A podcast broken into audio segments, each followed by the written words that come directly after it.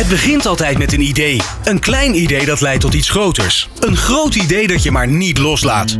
En dat gouden idee dat een sector op zijn grondvesten doet schudden. Dit is New Business Radio. Het radiostation dat verslag doet van bijzonder ondernemerschap. Ondernemende mensen, inspirerende gesprekken, innovaties en duurzaamheid. Dit is New Business Radio. Welkom bij de eerste aflevering van de specialreeks Bewust Onderweg. Ik ben Ron Lemmens en in de komende afleveringen ga ik op zoek naar verhalen hoe men in Nederland bezig is reizen veiliger, slimmer en duurzamer te maken.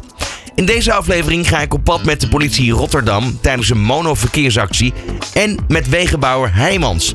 Wat treffen zij aan op de weg en vooral tijdens de werkzaamheden s'nachts achter die rode kruisen?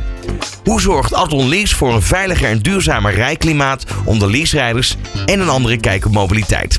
En ook horen we het verhaal van de gemeente Rotterdam. Van meer veiligheid en duurzamere mobiliteit in de stad tot het juiste voorbeeld zijn voor iedereen. De special Bewust Onderweg is een samenwerking met Monozakelijk. Van hippe start-up tot ijzersterke multinational. Iedereen praat mee. Dit is New Business Radio. Begin oktober vond in Rotterdam een mono-verkeersactie plaats. En ik mocht mee. Vanuit een dubbeldekkerbus werden alle bestuurders op de snelweg gecontroleerd op het wel dan niet gebruik van een mobieltje achter het stuur. Aan het woord Rien Buscher en Corné van Bommel van de politie Rotterdam. Wat is precies de actie? Want we hebben hier een bus, uh, incognito bus waarmee je over de snelweg rijdt en uiteindelijk uh, iets constateert. En dan? Ja, dan vanuit de bus wordt, uh, zitten spotters in. En die gaan dan kijken van of de mensen zitten in, in, op de, in de auto's rijden. Die zitten te bellen of in ieder geval een mobiel toestel gebruiken. Hè? Bellen, appen, noem het maar op. Hoe verloopt zo'n dag en hoe, hoe, hoe vaak doen jullie dit? Zo'n dag verloopt, ja, we beginnen s ochtends. Eigenlijk een beetje na de spits. Hè, omdat je anders in het rijtje aansluit, dat schiet ook niet op. Dus als het verkeer een beetje loopt, dan gaan wij, uh, dan gaan wij met het verkeer mee. En uh, al rijdende constateren we dingen die niet door de beugel kunnen. Daar hebben we burgervoertuigen bij in de buurt. Die geven wij dan uh, de informatie door en die zorgen ervoor dat die bestuurder langs kant gezet wordt. Als je zo'n dag opmaakt aan het einde, hoeveel wordt er nog eigenlijk niet mono gereden, om het maar zo te zeggen? Dat is alleen wat wij in de directe omgeving van die bus zien. Dan ga je toch wel richting 80. Op een hele dag? Ja, maar het is alleen rondom de bus. Dus met andere woorden, het is, het is nog steeds een groot probleem. Vandaar natuurlijk ook die campagnes overal voor de verkeersveiligheid. Uh, wat wel bijzonder is, we zijn nu in het havengebied van Rotterdam. Veel vrachtverkeer. Corné, jij zit in een van die volgauto's. Klopt, zeker. En uh, hoe gaat dat dan? Want er krijgt een signaal en dan? Wij krijgen vanuit de bus door welk voertuig wordt bestuurd door de bestuurder die met zijn mobiel telefoon in zijn handen zit. Daar gaan wij voorrijden, geven een volgteken, uh, nemen mee de snelweg af en daar gaan we in gesprek met meneer. Komen mensen nog met een excuus van, ja, maar dat was niet mijn telefoon? Of hoe, hoe gaat dat in de regel? Uh, bijna iedereen die je staande houdt, die zegt van nee, het was of mijn kop koffie, of het was mijn portemonnee, of een pakje check. En een enkeling die geeft gelijk aan van joh, nee klopt, ik zat met mijn telefoon in mijn handen. Ja, ik ben van de, de bus inmiddels in de volgauto gestapt. Um, met Corné, die we net ook gesproken hebben. En uh, die zit momenteel achter het stuur. En uh, naast Corné zit collega Mout. Mout, um, ja, de volgauto. Dit is eigenlijk wel waar het gebeurt, hè? Ja, dat klopt inderdaad. Als er een uh, melding komt, dan gaan wij erachteraan. Hoe is het tot nu toe geweest vandaag? Um, ja, we hebben in ieder geval alweer een paar auto's aan de kant kunnen zetten. Ik ben benieuwd wat de middag gaat brengen. Ja, misschien moeten we ook even uitleggen hoe dat precies gaat. Je krijgt een signaal vanuit de observanten in de bus. En dan? Ja, klopt. Wij krijgen vanuit de observanten krijgen we een melding binnen dat er een, um, nou, een telefoon in de hand is gespot. Ja, want dat is waarschijnlijk ook, uh, ik heb het gehoord in de bus, het gaat tot in detail, hè, tot aan bij wijze van spreken welke hand, de kleur van de telefoon. Ja, zeker. Ja, wij krijgen een hele nauwkeurige informatie door. Dus inderdaad in welke hand de bestuurder de telefoon heeft. Um, inderdaad welke kleur van de telefoon is. Of iemand hem bijvoorbeeld van de linkerhand naar de rechterhand overpakt.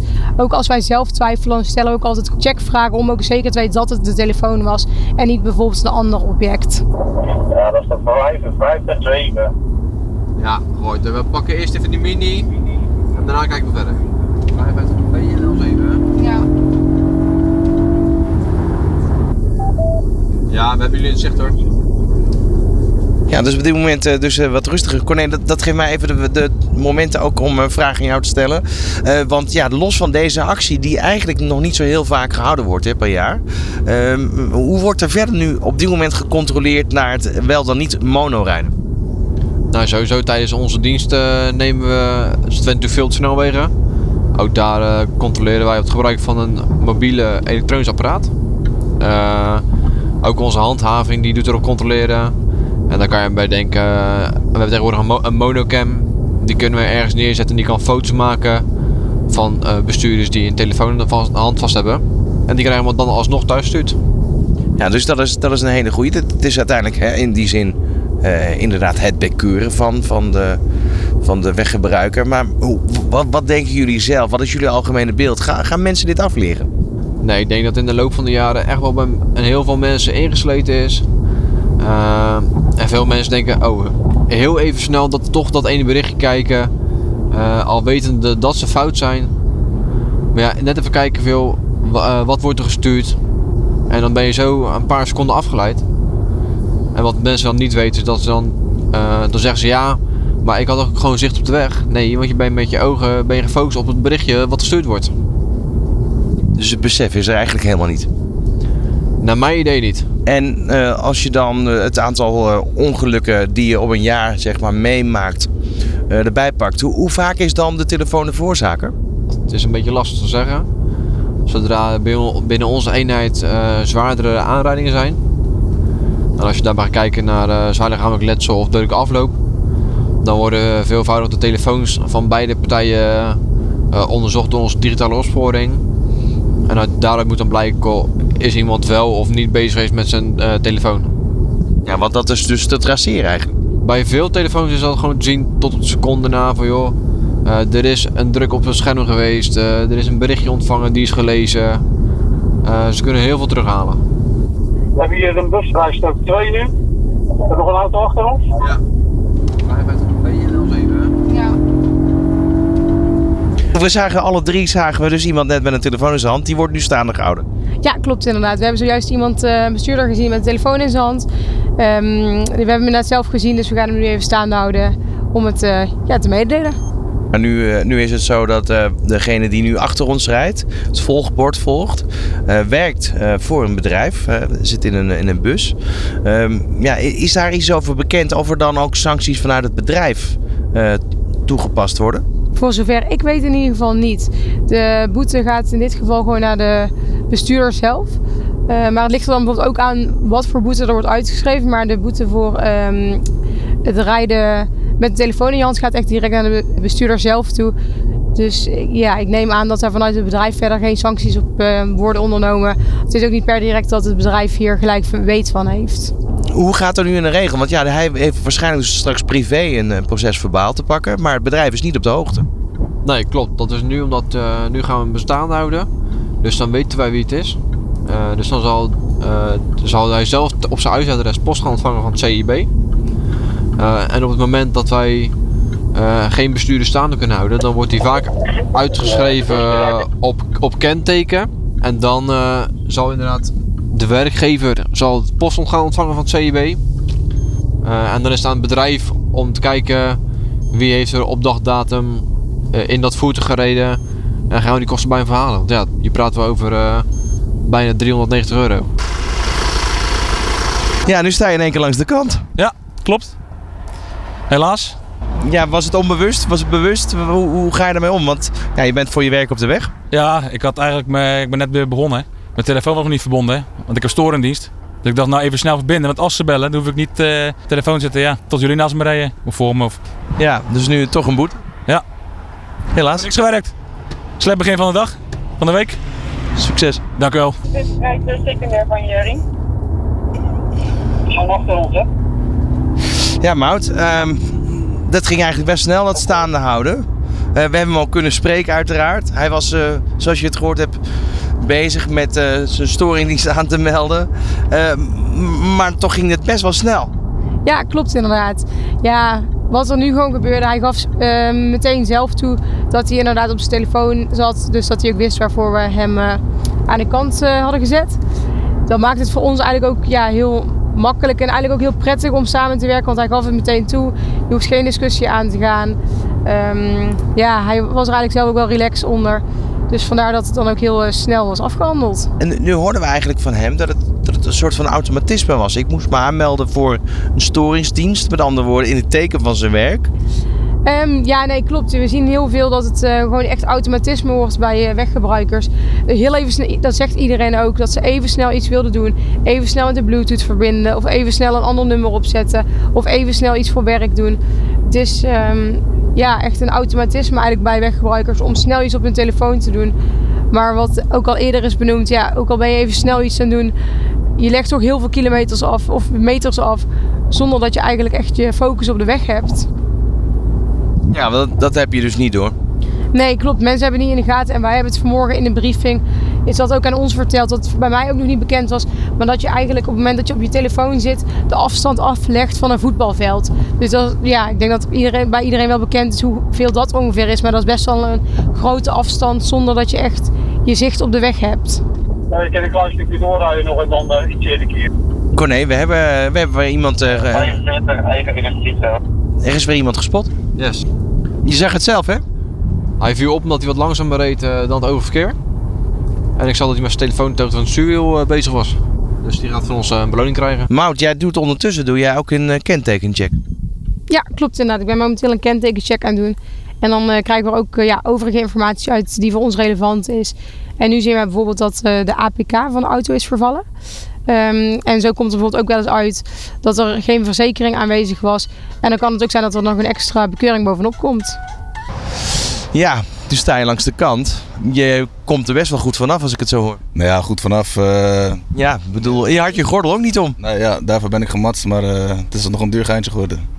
Hoe, eh, hoe is dat nu? Want ja, nu word je toch geconfronteerd met niet rijden met je telefoon in de hand. Iedereen weet natuurlijk dat het niet mag. Hè? Ja, ja, ja. Eh, het is eh, helaas wat het is. Wat was je aan het doen? Ik was aan het bellen voor werk. Kijk, ik moet, eh, soms heb ik klantencontact. Ik moet van klus naar klus. En eh, nou, ik ben eigenlijk te laat voor mijn volgende klus. Dus ik was aan het bellen voor dat ik onderweg ben. Maar goed, eh, Dus nu kan je weer bellen. nu kan ik weer bellen dat ik nog later kom. ja, ja, ja. Wat voor werk doen jullie? Eh, het plaatsen en verwijderen van afzettingen. Wat, wat viel je eigenlijk op? Want in één keer zit er een, zit er een auto voor je, voor je snoet. Ja, klopt. Ik zag hem eerst voor mij rijden en stoppen op de, op de vluchtstrook. Tenminste, langzaam rijden. En hij kwam achter mij aan gelijk. Dus ik dacht, nou, die heeft zich bedacht. En eh, op een gegeven moment haalde hij mij vrij snel in. En toen, eh, ja, toen voelde ik erbij al hangen eigenlijk. Ja. Eh, inmiddels staan we eventjes eh, te, te rusten. Even de focus weer leggen. Eh, Tom, een van de andere eh, agenten in de volks, eh, volgauto. Hoe was het vandaag voor jou tot nu toe?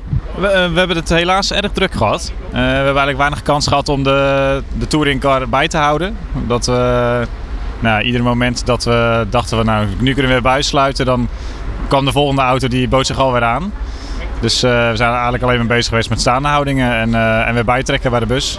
Ja, ik heb eh, natuurlijk nu een eh, uurtje of twee in deze auto gezeten, een andere volgauto. Wat me opviel is dat degenen die staande gehouden zijn, toch eigenlijk wel heel goed wisten van ja, ik zit fout.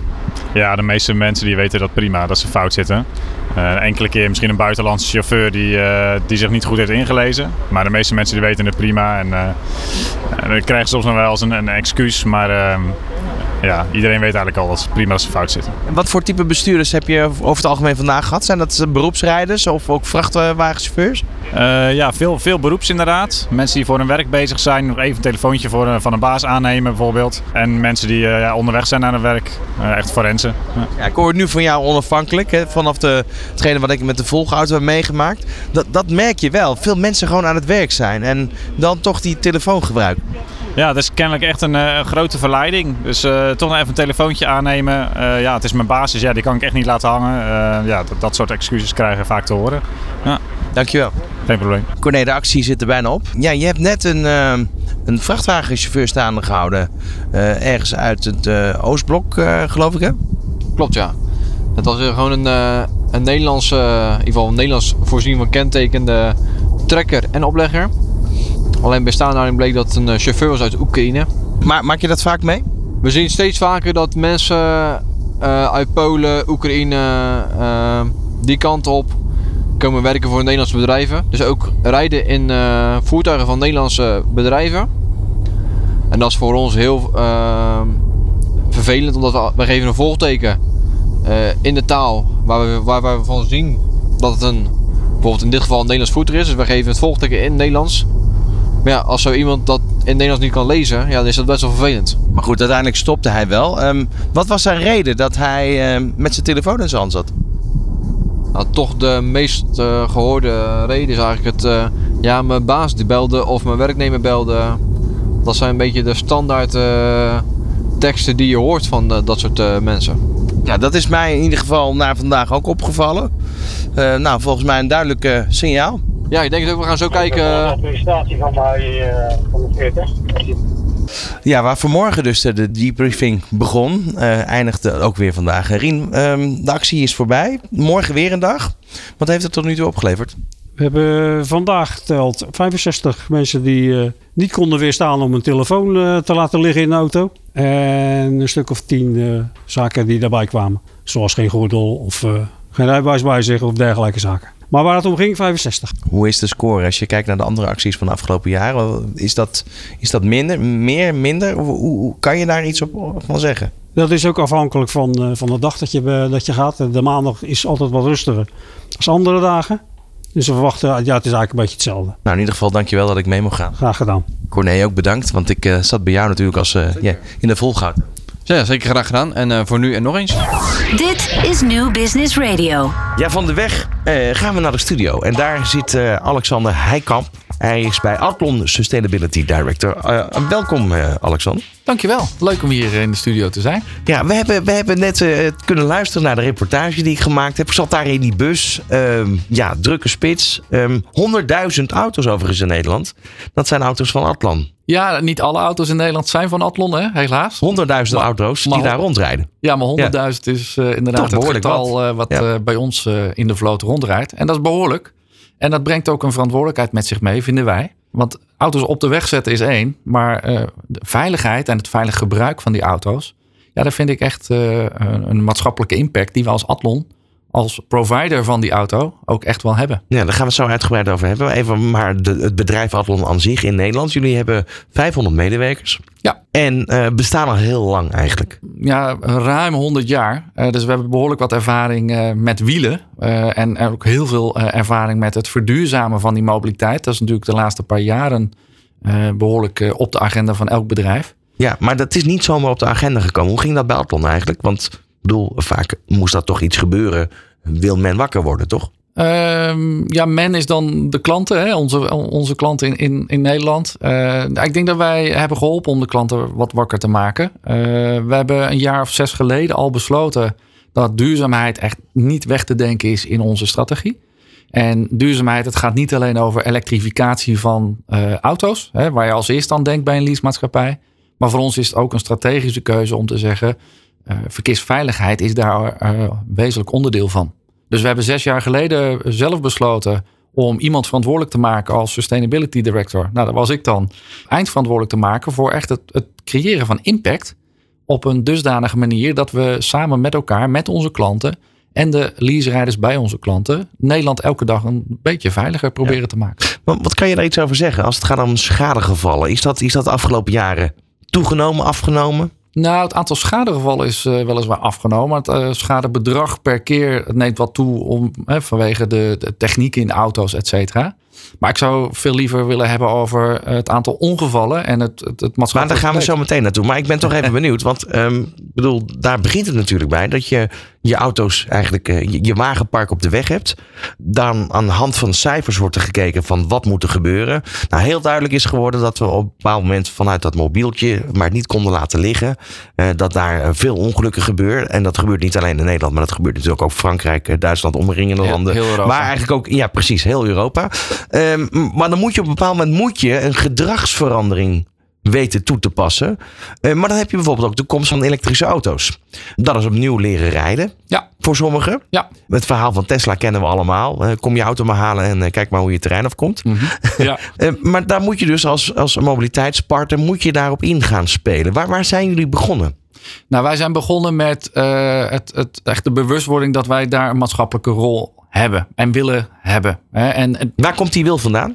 De wil, eh, wat ik net al zei, om, om echt onze klanten te helpen, die verkeersveiligheid eh, bij hun leaserijders te verhogen. Eh, en, en dat heeft een, een maatschappelijke rol. Hè, wij vinden ook dat je als werkgever goed werkgeverschap in kan vullen door verkeersveiligheid echt strategisch op de agenda van jouw bedrijf te zetten. Dus als je een mobiliteitsbeleid hebt, hè, wat veel bedrijven hebben met een leasevloot, daar wordt vaak in beschreven uh, hoeveel kilometer per jaar je rijdt, wie erin mag rijden en, en nou, nog, nog wat andere zaken die je als werkgever en werknemer met elkaar afspreekt. Wij vinden dat in elke mobiliteitsbeleid ook een verkeersveiligheidsparagraaf thuis hoort. Waarin je afspreekt wat het wenselijk gedrag is op de weg namens jouw uh, bedrijf en, en, en in de leaseauto die uh, via Atlon geleverd is. Ja, daar hebben jullie een plan ook voor geschreven. Vijf stappen plan. Hoe zit dat precies in elkaar? Ja, we hebben een vijf stappenplan. Dat, dat richt zich veel meer op gedragsverandering. Hè, want het is niet maar alleen... daar begint het eigenlijk toch ook? Exact. Ja, daarom hebben we dat plan uh, gemaakt. Uh,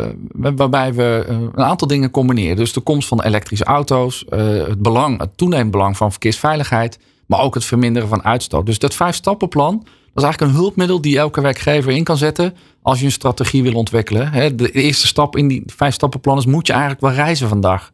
Nou, corona heeft ons geleerd dat dat vaak niet per se hoeft. Stap 2. Als je dan reist, moet je dan per se met een auto rijden? Of is het openbaar vervoer of een fiets, een e-bike ook een alternatief? Ja, want dat duurzaam verhaal, dat heeft Atlon dus ook doen bewegen. Om eigenlijk primair niet alleen maar bezig te zijn met een, een wagenpark. Mm-hmm. Maar ook te kijken naar andere mobiliteitsvormen, toch? Klopt, ja. Vandaar die uh, stap 2 heel ja. doelbewust uh, voor stap 3. Want stap 3 is als je dan toch voor die auto kiest Maak uh, dan wel gebruik van een volledig elektrische auto. Zodat je geen uh, uitstoot hebt gedurende je reis. Maar goed, dat is makkelijk. Maar kan iedere werkgever dat zich veroorloven? Ja. Uh, ik zeg ja, omdat inmiddels is het zo, zo, dat de TCO, de Total Cost of Ownership, in veel gevallen positief uitvalt voor de elektrische auto. in plaats van een brandstofauto. geheel afhankelijk van waar je laat, hoe je laat en, en hoe je daarin zit. Maar ik durf te zeggen ja, voor elke werk, werkgever is dat mogelijk. En dan komt stap 4 in dat vijf stappen mobiliteitsplan. Als je dan rijdt of reist, reis dan wel veilig. Nou, daar hebben we allerlei oplossingen voor ontwikkeld. Omdat als je dat in een stappenplan deelt met jouw klanten, dan moet je ook invulling aan kunnen geven. En last but not least, stap 5. Als je dan toch nog iets van uitstoot hebt gedurende jouw reis, overweeg dat dan om dat te herinvesteren in CO2-certificaten. Zodat je de uitstoot die je hebt toch nog op de een of andere manier compenseert. Maar die stap 4 is denk ik voor deze podcast heel erg van belang. Dat is voor deze aflevering zeker belang, ja. uh, van belang. Daarom ben je ook hier. Ik bedoel, we hebben de reportage net kunnen horen waarmee ik uh, ja, gekeken heb hoe de politie eigenlijk bezig is om ja, toch uh, mensen er bewust van te maken. Mm -hmm. Het zij wel dan niet met een boete. Ja. maar goed, dit is wel het verhaal, gedragsverandering. dat is waar we nu staan. Um, hoe kan je dat blijven monitoren als mobiliteitsaanbieder? Nou, best wel goed eigenlijk. Uh, want ook wij, uh, net als de andere uh, partners in deze keten en in deze podcast, richten ons op bewustwording. Bewustwording en bewust bekwaam maken van mensen in de auto, geleverd door Atlon. En hoe doe je dat? Bijvoorbeeld de online trainingen. we hebben een Atlon e-driver module ontwikkeld samen met een partner, waarbij we eens in de zes weken een korte verkeersveiligheidsmodule uh, ter beschikking stellen aan elke leaserijder. Dat betekent dat ze elke zes weken even weer top of mind krijgen. Wat zijn de gevaren Is dat verplicht? Uh, dat is afhankelijk van de werkgever. Hè? Hoe strak een werkgever daarin zit. Wat mij betreft zou dat verplicht uh, moeten zijn. Maar niet elke werkgever is nog zover. En maar wat, wat krijgen ze dan top of mind? Dat ze hun mobieltje niet mogen gebruiken of dat ze geen boterham mogen eten? Uh, beide. Uh, daar gaat uiteraard nog veel verder. Dat ze het mobieltje niet uh, gebruiken. Wat zijn de gevaren daarvan? Maar ook, ehm, wat is dan eigenlijk de focus op de weg? Wat zie je eigenlijk? Maar vooral ook, wat zie je niet als je onderweg bent? Dat maakt je bewust dat je heel veel niet ziet. En dat je daardoor echt je aandacht alleen maar op, op het verkeer moet hebben. Maar dat gaat ook soms terug naar toen we het rijbewijs haalden. De verkeersregels, de verkeersborden. Weet je nog precies welk verkeersbord wat betekent en hoe je je moet gedragen? Maar dat gaat ook over de combinatie die elektrische auto, dat is misschien wel echt anders rijden. Maar hoe doe je dat dan precies? Hoe zorg je ervoor dat als je die elektrische auto rijdt, stap 3, het mobiliteitsplan, dat je ook uh, slim gebruik maakt van het regenereren tijdens het remmen en daarmee je batterij weer oplaat en zoveel mogelijk actieradius krijgt. Dat gaat ook over nou, het gebruik van mobieltjes in de auto en welk effect dat dan heeft. Dus een, een eigenlijk best wel een, een gevarieerd programma. Eens in de zes weken online, omdat sommige werkgevers zeggen: nou, wij willen vooral heel erg uh, werken aan die bewustwording door middel van opleiding. Aanvullend hebben we ook samenwerkingspartners die fysieke rijtrainingen geven, echt op de weg of op een uh, trainingscenter met een instructeur naast de berijder Soms in eigen auto, soms in de auto van, van uh, de instructeur. En de, de, instructeur één op één geeft jou tips en tricks. Wat hij ziet, wat anders kan, wat beter kan. We hebben dat onlangs met 150 klanten gedaan. Ja, razend enthousiast. En daarmee start je een soort beweging binnen je klantenkring. Die zegt van ja, maar ik ben me nu veel bewuster van mijn rijgedrag en maar ook de gevaren. Merk dat wil ik delen met mijn uh, collega's. Merk je daar nog een verschil tussen uh, mensen die veel meer kilometers maken dan andere leaserijders? Uh, weet ik niet. Heb ik geen antwoord op. Nee. Ik kan me voorstellen dat als je eh, continu op de weg bent, dat het een bepaalde gewoonte er sneller insluipt dan dat je iedere keer korte ritjes maakt. Ja, de tegenhanger daarvan, als je niet zo heel veel rijdt, dan uh, ben je niet zo heel erg ervaren en heb je nog niet zo heel veel meegemaakt onderweg. Vandaar dat ik zeg dat dat weet ik niet zo goed. Uh, wat ik wel weet is dat iedereen uh, een vorm van rijtraining nodig heeft. Ja. En, nou, een, een last but not least in die verkeersveiligheidspropositie die we aan onze klanten heel concreet aanbieden, is ook een, een Athlon Safe Drive Pod. Dat is een kleine beacon, een apparaatje in je auto waarbij het gewoon onmogelijk wordt om je uh, telefoon te openen. Want alles wat je doet, je, je, je scherm blijft zwart. Dat is eigenlijk voor de notoire uh, appers en, uh, en facetimers en, en, wat dan ook onderweg. Ja, dus waar een er zijn genoeg middelen. tot slot even de, de, link natuurlijk naar jullie eigen werknemers. Dat zijn er 500. Ja. Maar hoe, hoe doen jullie dat? Is, is dat een kopie van wat je eigenlijk de leaserijder aanbiedt? Bij Atlon is het altijd zo dat alles wat wij uh, buiten vertellen en buiten adviseren aan onze klanten, dat doen wij ook zelf. Dus in ons eigen mobiliteitsbeleid is een verkeersveiligheidsparagraaf opgenomen. Als je een leaseauto hebt van Atlon, dan ben je verplicht een Safe Drive pod te gebruiken. Ben je verplicht ook om de Atlon e-driver modules te volgen elke zes weken. Dat wordt ook gemonitord. En daarnaast hebben de leaserijders, mijn collega's, allemaal een fysieke rijtraining gehad met een instructeur ernaast. Heb je geen leaseauto van Atlon, dan nog zeggen wij, ja, maar we, nog steeds vinden wij die verkeersveiligheid belangrijk. We vinden het als werkgever belangrijk dat je elke dag veilig thuiskomt. Alleen zit die verplichting er niet in, omdat dat simpelweg niet mag en niet kan. Dus daar bieden we het wel aan, maar dan op vrijwillige basis. Ja, vanuit dat plan gezien, wanneer hebben jullie straks het doel bereikt? Of blijft het iets wat ongoing is? Ja, het is ongoing en wij ondersteunen uh, Vision Zero van de Europese Unie. Daar hebben we ook op, uh, openbaar op, op, op, uitgesproken dat we die richting en die lijn volgen. Wat feitelijk inhoudt 2050 nul verkeersdoden doden in heel Europa. De vraag is of je dat ooit gaat halen, maar de richting is helder. Ja, dan kom je ook weer met het autonoom rijden enzovoort. Exact. Enzovoort. Dus de wereld verandert. En, en ja, dus het is een continu proces wat continu aandacht vraagt. Uh, maar de oproep van ons is: maak verkeersveiligheid echt een integraal onderdeel van je mobiliteitsbeleid. En vooral start ook gewoon, begin ook gewoon en laat je helpen. Want uh, er zijn genoeg oplossingen uh, die pandklaar beschikbaar zijn. Maar de eerste stap is wel ja. beginnen. En gewoon doen. Dan tenslotte de link met Monozakelijk. Ja, die is volgens mij duidelijk. Wanneer is die samenwerking tot stand gekomen? Nou, wij waren een van de eerste partners van Monozakelijk. Omdat wij waren al bezig met die verkeersveiligheidspropositie. Zoals je zojuist uh, toegelicht. En uh, wij werden benaderd door Monozakelijk. En ja, dat, we hadden dezelfde visie, dezelfde ambitie op het gebied van Monozakelijk. sloot ook heel erg aan bij onze jarenlange samenwerking met Veilig Verkeer Nederland. Dus ja, voor ons was het een no-brainer om uh, direct aan te sluiten. Fijn dat je hier was, dankjewel. Alexander Heikamp van Appel. Dankjewel. Straks een reportage over Heijmans, de wegenbouwer.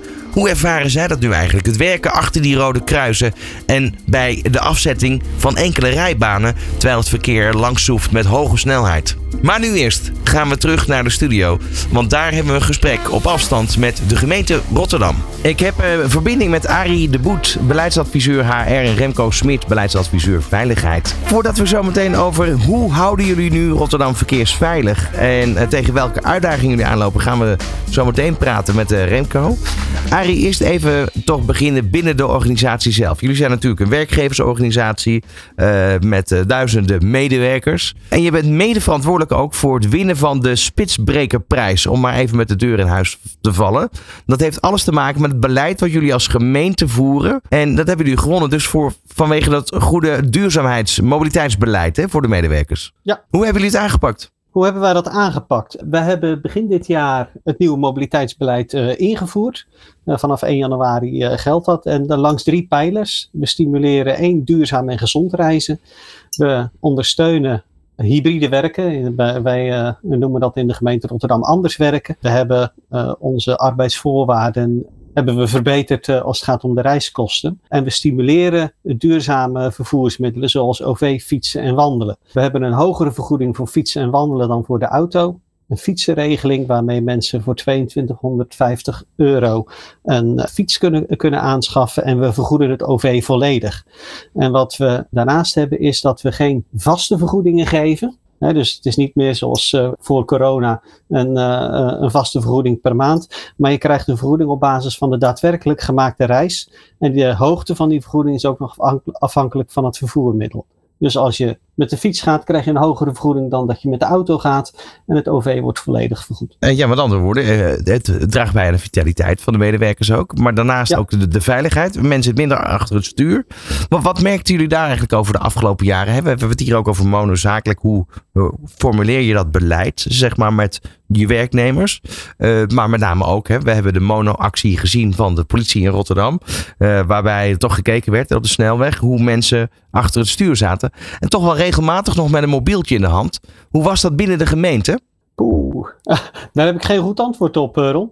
Daar hebben wij in ons beleid hebben we ons uh, gericht op de duurzaamheid en uh, ook het ondersteunen van het thuiswerken. Zodat als je de meest duurzame en veilige reis is een niet gemaakte reis. Dat is een indirect effect van, van ons beleid. Maar we hebben, we hebben niet een campagne waarin we ook nog we stimuleren mensen met de fiets en het OV te reizen. En we hebben geen aandacht, uh, extra aandacht geschonken aan als je met de auto gaat, doe dat dan zonder je telefoon aan je hand. Nee, maar goed, dit, dit duurzaamheid, we dat toch even terug naar die Spitsbekersprijs. Jullie zijn wel een soort van voorbeeld door middel van deze, het winnen van de prijs, een erkenning voor andere gemeentes in Nederland. Ja, ja, en dat, uh, is, uh, dat was ook een van de onderdelen waarnaar gekeken is bij de, bij de genomineerden. Van, hoe, en, en, we zijn als tweede gemeente van Nederland en een van de grootste werkgevers in de regio. Hebben we die voorbeeldfunctie ook? We hebben daarnaast als gemeente Rotterdam ook klimaatakkoorden gesloten met andere werkgevers en bedrijven over verduurzaming en CO2-reductie en over nou, duurzaam en, en gezond en vitaal reizen. Dus ja, daar hebben we absoluut een voorbeeldfunctie in. Ja, en jullie maken gebruik van mobiliteitsplatform. Uh, ja, dat klopt. Wij gebruiken het één platform voor, voor al onze, laten we zeggen, mobiliteitsmogelijkheden en vervoermogelijkheden. Dus je krijgt een OV-mobiliteitskaart waarmee je kunt reizen. Uh, dat kun je in de app allemaal terugzien. En de vergoedingen die je maakt, of de reizen die je maakt met de fiets of met de auto of andere vervoersmiddelen, kun je declareren via een app. Uh, zodat we alle informatie daarover in één hand hebben. Uh, wij maken gebruik van het mobiliteitsplatform van Shuttle. Er zijn ook andere aanbieders.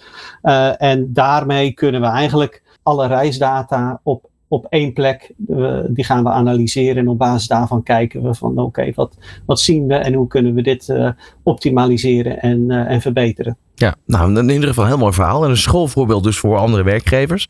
Remco, ga ik ook eventjes naar jou, want ja, jij houdt je met name bezig met de verkeersveiligheid in de gemeente Rotterdam. je kan toch wel zeggen qua verkeer een van de drukste natuurlijk van Nederland. Uh, waarbij uh, veel files nog in de ochtenduren ook zijn, middaguren. Uh, ja, je bent wegbeheerder eigenlijk namens de gemeente Rotterdam. Hoe houden jullie Rotterdam nu verkeersveilig en hoe maken jullie het nog veiliger? Ja, ja dat, dat is de vraag. Hè. En je geeft al aan, dat het, wordt, het is druk op de weg in Rotterdam. Het wordt ook steeds drukker. We bouwen door in de stad. enorme woningbouwopgave. Dus het wordt ook gewoon steeds drukker op straat. Dus die opgave voor veiligheid is ook groeiende.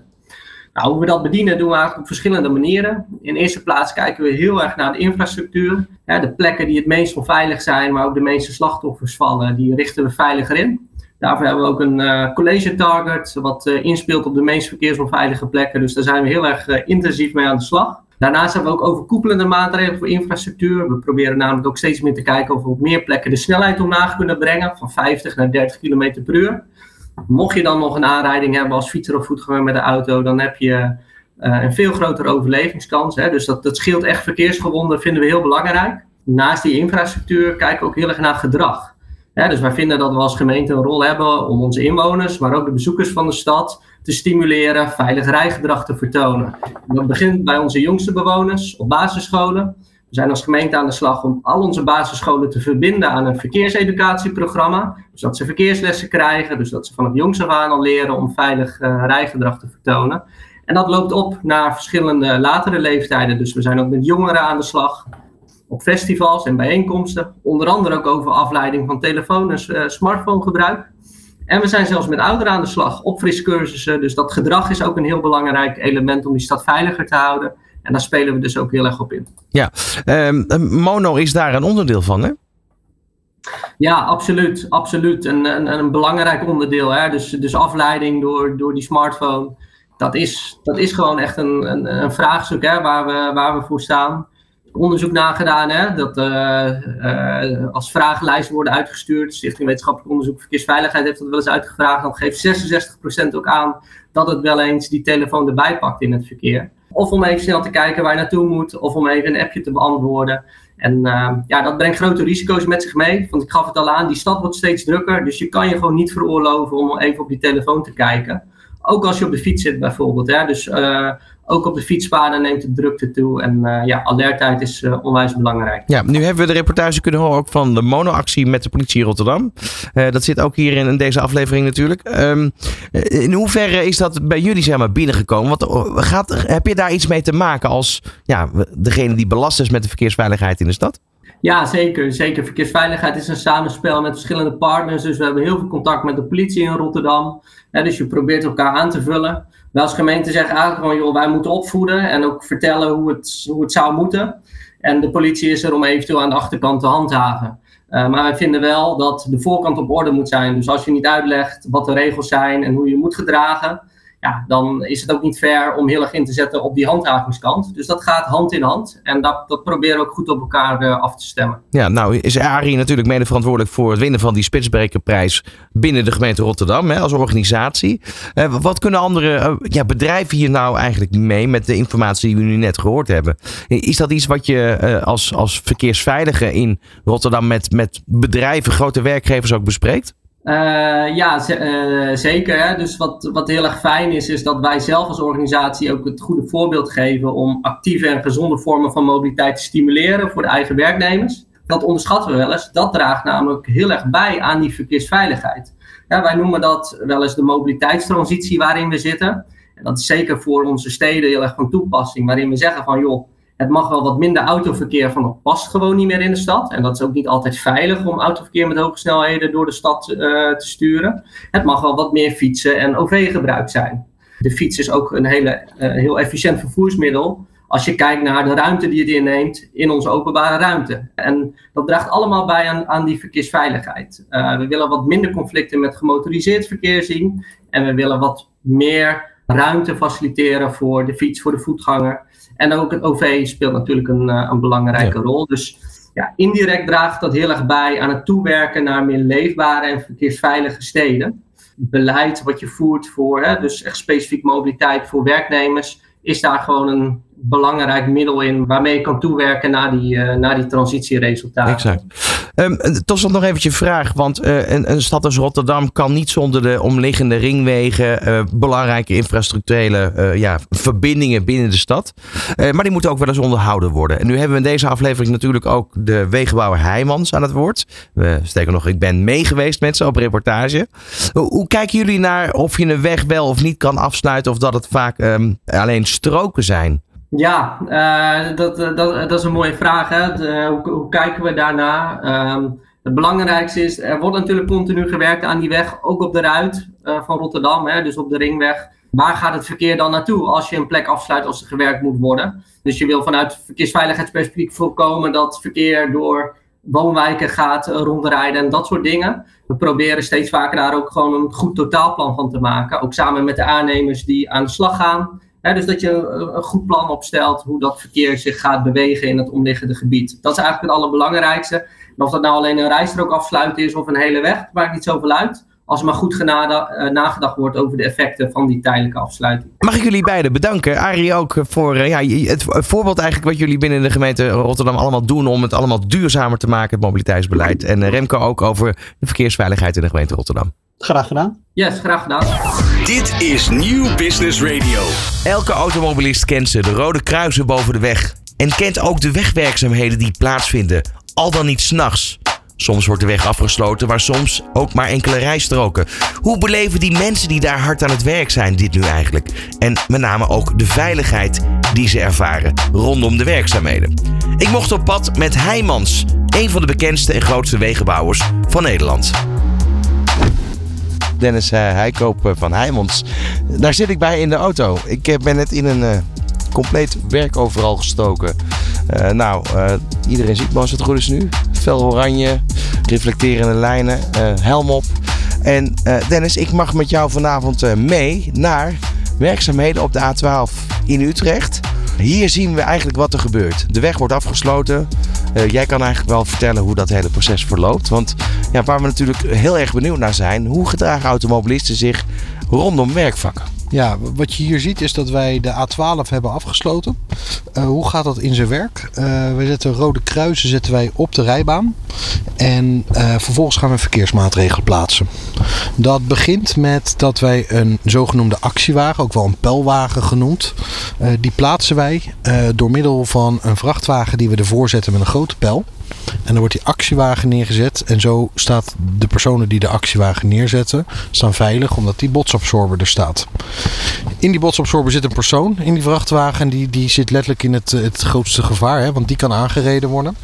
Uh, zodra de actiewagen klaar staat, um, kan de botsabsorber weg en dan staat de, de pijlwagen er.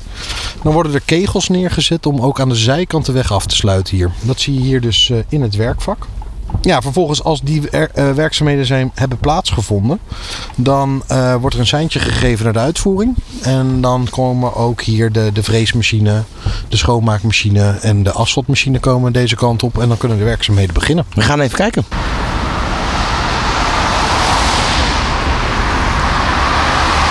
Ja, Dennis, we staan inmiddels uh, in het werkvak.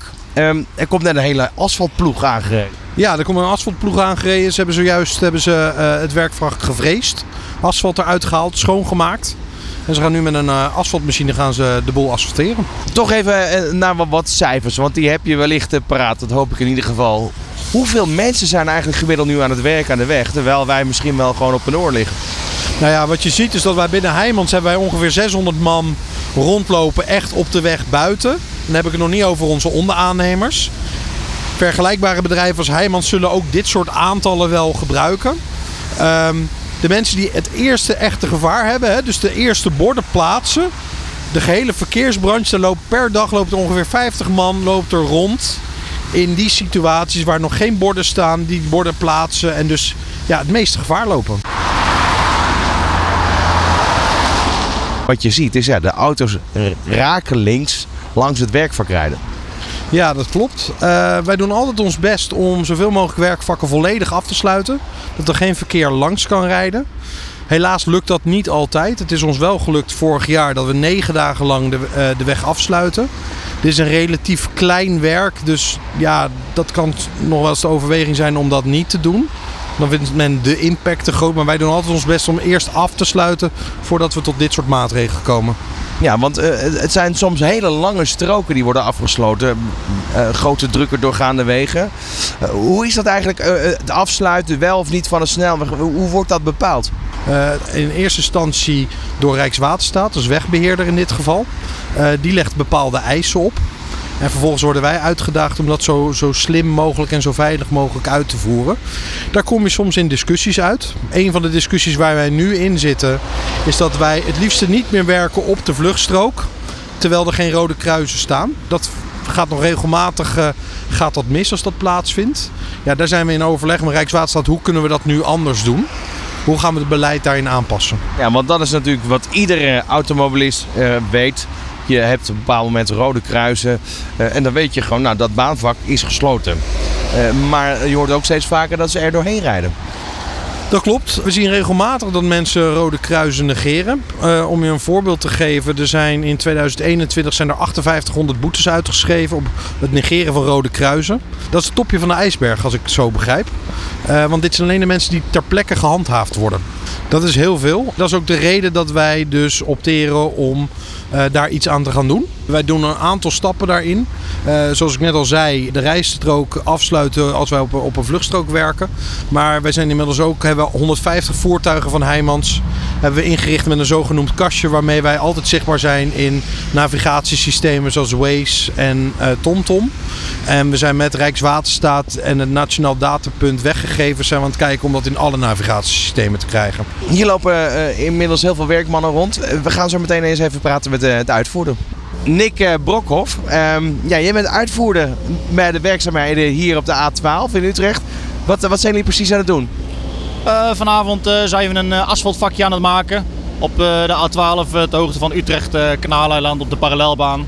En het is een, een klein reparatievakje van eh, 200 vierkante meter wat we hier aan het maken zijn. Dus er rijdt nog verkeer over de, de rijstrook 1. Dus het verkeer rijdt eigenlijk, ja, je kunt het hier zo zien, een meter of eh, 10 eh, van ons vandaan. En eh, ja, zoals je ziet, het meeste rijdt eh, in ieder geval geen 70 km per uur. Maar het raast wel eh, wat harder door. Ja, want dit zijn avondwerkzaamheden. Hoe, hoe lang zijn jullie overigens hiermee bezig vandaag? Ja, ik verwacht dat wij tot een uurtje of twee à drie bezig zijn vannacht. En dan, dat dan de weg weer opengesteld kan worden. Nu zie ik ondertussen hele rits auto's aankomen. Wat, wat, wat zie jij? Wat maak je zoal mee? En is, is er een verschil bijvoorbeeld tussen overdag en s'nachts? Eh, we staan hier nu bij een toerit, eh toerit Kanaaleiland. En eh, specifiek bij deze toerit hebben we eigenlijk best wel vaak gehad dat wij doorrijders hebben die, die schrikken dat, dat de oprit dicht is naar de snelweg toe. We weten niet wat ze moeten doen en vanuit schrik, of, ja, of dat bewust of onbewust is, dat, en ze rijden door. En vervolgens eh, ja, staan wij verderop eh, met onze werkzaamheden. En eh, ja, wij schrikken daarvan als iemand, een onbekende, het werkvak in komt rijden. En die, die zich niet weet hoe hij zich moet gedragen. Ja, dat kan nog wel eens leiden tot, tot gevaarlijke situaties. Ja. En nu is het natuurlijk midden in de nacht, dus je ziet eigenlijk heel moeilijk hoe mensen achter het stuur zeg maar, bezig zijn. Maar, maar zie je wel eens dat mensen afgeleid zijn door andere dingen, bijvoorbeeld door een mobieltje? Ja, eigenlijk heel vaak. Dat, dat varieert zeg maar, van automobilisten tot aan vrachtwagenchauffeurs. Je kunt zo gek niet bedenken waar mensen tegenwoordig mee bezig zijn. Mensen aan het scheren met een scheerapparaat, eh, ja, make-up, eh, bellen, iets in het dashboard zoeken. Eh, ja, je kunt zo gek niet bedenken of... of... En, en die komen langs jullie werkzaamheden opgereden. Nou, er staan hier pionnen, daar kunnen ze zo tussendoor. Ja, klopt. Er staan pionnen inderdaad. En eh, dat is eigenlijk puur om het verkeer te, te geleiden. Dat het verkeer maar eigenlijk niet direct het werkvak inrijdt. Eh, kijk, een pion is natuurlijk eigenlijk niet, eh, nog steeds niet veilig. Want eh, het liefste werk ik gewoon in een, in een afzetting waarin eh, er geen verkeer, ander verkeer op de weg komt. Dat is eigenlijk het liefste waar, ik, eh, waar wij ook in werken. Daar, kunnen- daar werken we gewoon het lekkerste mee. En daar hebben we ook gewoon, eh weten we in ieder geval gewoon de grootste kans dat de meeste mensen gewoon veilig weer thuis kunnen komen. Werk ze vannacht. Dankjewel. Ja, Dennis, je, je hebt het verhaal net ook gehoord. eh, en dat is natuurlijk bij jou bekend, want ehm jij houdt je volop bezig met de veiligheid rondom eh, werkvakken. We hoorden net opmerkelijk dat mensen dus een rood kruis kunnen missen doordat ze aan het bellen zijn. Of gewoon totaal met andere dingen bezig zijn, waardoor ze dat rode kruis helemaal missen. Is dat voor jou eh, is het een verbazend verhaal of wist je dit al heel lang? Nou ja, helaas weet ik dit al een tijdje. Vorig jaar is het ook één keer met een collega van mij misgegaan. Eh, die was aan het werk in een botsabsorber. En eh, er is een vrachtwagen die heeft drie rode kruisen midden in de nacht genegeerd. En die is in die botsabsorber gereden. Ehm, en de cruise control van die auto stond aan. En ja, je ziet dus dat mensen afgeleid zijn, niet met de rijtaak bezig zijn. Eh, wat je ziet in Nederland is dat we heel veel hebben gedaan om het verbeteren van verkeersinformatie. Eh, daar heb ik echt een, eh, een pluim voor voor de overheden.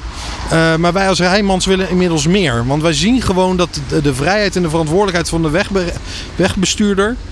die wordt niet volledig genomen altijd. En wij willen dus gaan kijken van hoe kunnen wij die rijtaak veel meer gaan beïnvloeden. En daar richten we innovaties op in. Ja, dan heb je eh, daar natuurlijk verschillende beroepsgroepen. Ik zie nu bijvoorbeeld een, eh, een postbezorger nog rondrijden laat. Op zijn telefoon kijkend, viel me op. Met cockpitverlichting aan. Ja, ik kan me voorstellen dat als je hier even een paar uur staat, dat je dit soort dingen heel vaak ziet gebeuren. Ja, dit soort voorbeelden, dat is schrijnend. En, en nou, je kun je wel voorstellen, kijk eens in de file hoeveel mensen zijn met andere dingen bezig.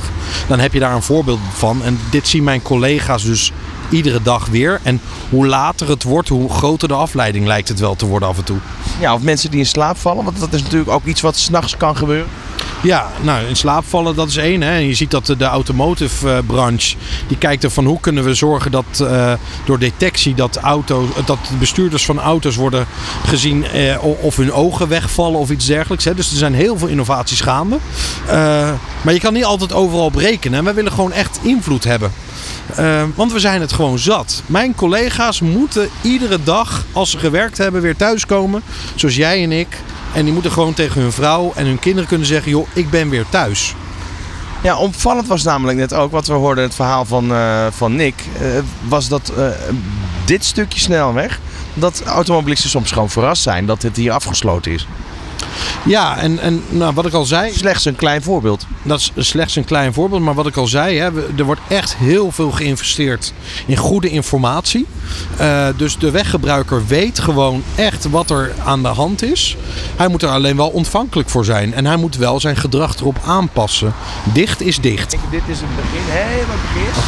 Ja, er zijn zeker innovaties gaande op dit gebied. Eh, los van de informatie die we steeds ve- verder verbeteren in Nederland, zijn we ook aan het kijken hoe we dus eh, eh, voertuigen op afstand kunnen eh, beïnvloeden.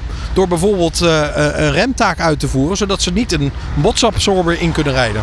Ja, wat we net al zagen, vond ik opvallend. Een, een bestelbusje.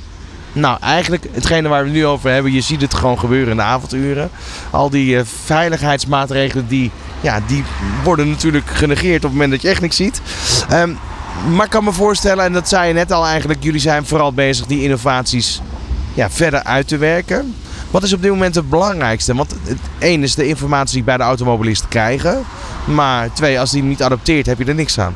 Nee, dat klopt. Dus eh, we zijn ook in eh, overleg geweest met het Openbaar Ministerie. Om dus een, eh, een mobiele flitskast neer te zetten. Die hebben we nu op de A1 ook staan. Hè? Om daarmee ook te zorgen dat, dat er meer gehandhaafd wordt op snelheid. Ja, de A1 is inmiddels een, een, een groot werk eh, aan de gang. In de A1 tussen Deventer en eh, ehm, Apeldoorn werken wij daar aan een, eh, een meerjarig project. Ehm, dat is één punt. Daarnaast zijn wij dus ook bezig om dus, te kijken hoe wij auto's kunnen gaan beïnvloeden in hun rijtaak. We werken daar met meerdere partijen samen, waaronder Swarco, NXP en Vitron. Bedrijven hier in Nederland waarmee we samen dus kijken hoe, hoe we dus die technologie in die auto gaan krijgen. Eh, belangrijk is eh, dat om die technologie aan te grijpen, hebben wij de overheid nodig. En we zijn inmiddels dus ook in gesprek met de overheid om te kijken van hoe zorgen we er dan voor dat als wij informatie sturen naar een auto, dat zij als robuuste onafhankelijke partij een digitale handtekening kunnen zetten op die informatie, zodat het in auto's terecht kan komen. Een partij als Volkswagen die, die bouwt al dit soort systemen in de auto en die, die vraagt echt eh, aan ons van ja, je moet zorgen dat het een onafhankelijke partij zegt die, dat het een betrouwbare informatie is die je stuurt. Dus we hebben die overheid echt nodig om, om die innovatie verder te helpen. Nu ben jij niet van eh, de bouwuitvoering, maar ook daar weten we dat er steeds meer circulair gebouwd gaat worden om het allemaal duurzamer te krijgen. Eh, dat moet ergens beginnen, maar dat geldt ook op het moment dat een eh, automobilist zijn rijbewijs haalt. Vind je dat er er voldoende aandacht besteed wordt tijdens de rijopleiding? Eh, nou, ik vind dat in de rijopleiding worden er tegenwoordig steeds meer eh, lessen ook gegeven in, in de ADAS-systemen in de auto's. Hè? Dus hoe werken die systemen in de auto? Eh, ik vind zelf dat we nog wel tekort schieten in, in wat doet dat ADAS-systeem nou? Want het is nog steeds de auto die zelf interpreteert wat er om hem heen gebeurt. En dan zien we nog steeds dat, dat die systemen niet voldoende zijn om auto's dus zo te laten reageren zoals wij dat willen. En dat hij dus reageert. Dat is, daarom is het dus ook belangrijk dat wij informatie gaan sturen naar die auto. In plaats van die auto reageert. Want die bestuurder die rekent te veel op dat die auto alles al kan. Maar die auto kan niks zonder informatie uit de omgeving. Dus eigenlijk een tussentijdse opfriscursus of goede introductie op het moment dat je in een andere auto gaat rijden is wel belangrijk. Nou ja, wat je ziet is dat de auto's de afgelopen 20 jaar behoorlijk wat ICT-systemen hebben gekregen. En mensen van jou en mijn leeftijd die moeten zich veel bewuster zijn dat er systemen in die auto zitten waarmee je om moet leren gaan. Dat is geen verplichte rijcursus. Er wordt wel aangeboden door de markt om daarmee om te gaan, maar dat is niet verplicht. En dat zou het wel moeten zijn. Nou ja, dat zou het wel moeten zijn, los van alle innovaties die we zelf willen. In ieder geval eh, hartelijk dank dat ik hier eh, erbij mocht zijn en het mocht meemaken. Ook mocht zien hoe ja, rakelings eigenlijk die auto's dus maar elke nacht weer langs werkzaamheden rijden. Het is een pion. Je staat hier een tijdje te praten en je hebt eigenlijk helemaal niet meer door dat je ja, zomaar op een snelweg staat. Ja, klopt. Het, eh, het gaat heel snel wennen. Hè? Het gaat heel snel wennen. En ja, daar, daar zit ook het gevaar in dat we wel alert moeten blijven. Wij als werklui hier langs de weg, maar ook de weggebruiker moet zich alert zijn van hoe wij werken. En ook wij zijn mensen. Ehm, ja, kijk, het doel van alles is uiteindelijk, we willen allemaal weer veilig thuiskomen. Zowel de weggebruiker als wij als personeel. En als Heijmans staat de directie er ook echt voor dat ieder personeelslid komt gewoon weer thuis bij vrouw en kinderen. En die krijgt gewoon weer, ik ben er weer. Zo zijn. Ja, je zei het net al en eh, ja, ik snap dat de nadruk daar heel erg op ligt.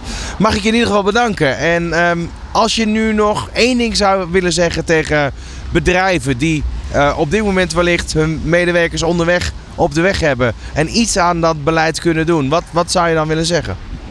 Mensen focus je op, ehm, op je personeel en maak je personeel alert op dat ze een rijtaak hebben en dat die rijtaak dat ze die serieus moeten nemen en vermijd andere activiteiten tijdens het rijden. Dus als de baas belt, wat doe je dan? Niet opnemen. Bedankt voor het luisteren naar deze eerste aflevering van Bewust Onderweg. Binnenkort volgt aflevering 2. Met daarin weer reportages vanuit het land. En natuurlijk de gesprekken in de studio over hoe Nederland nu duurzamer en veiliger met mobiliteit kan omgaan. Dit is Nieuw Business Radio. Meer weten over onze programma's? Ga naar newbusinessradio.nl.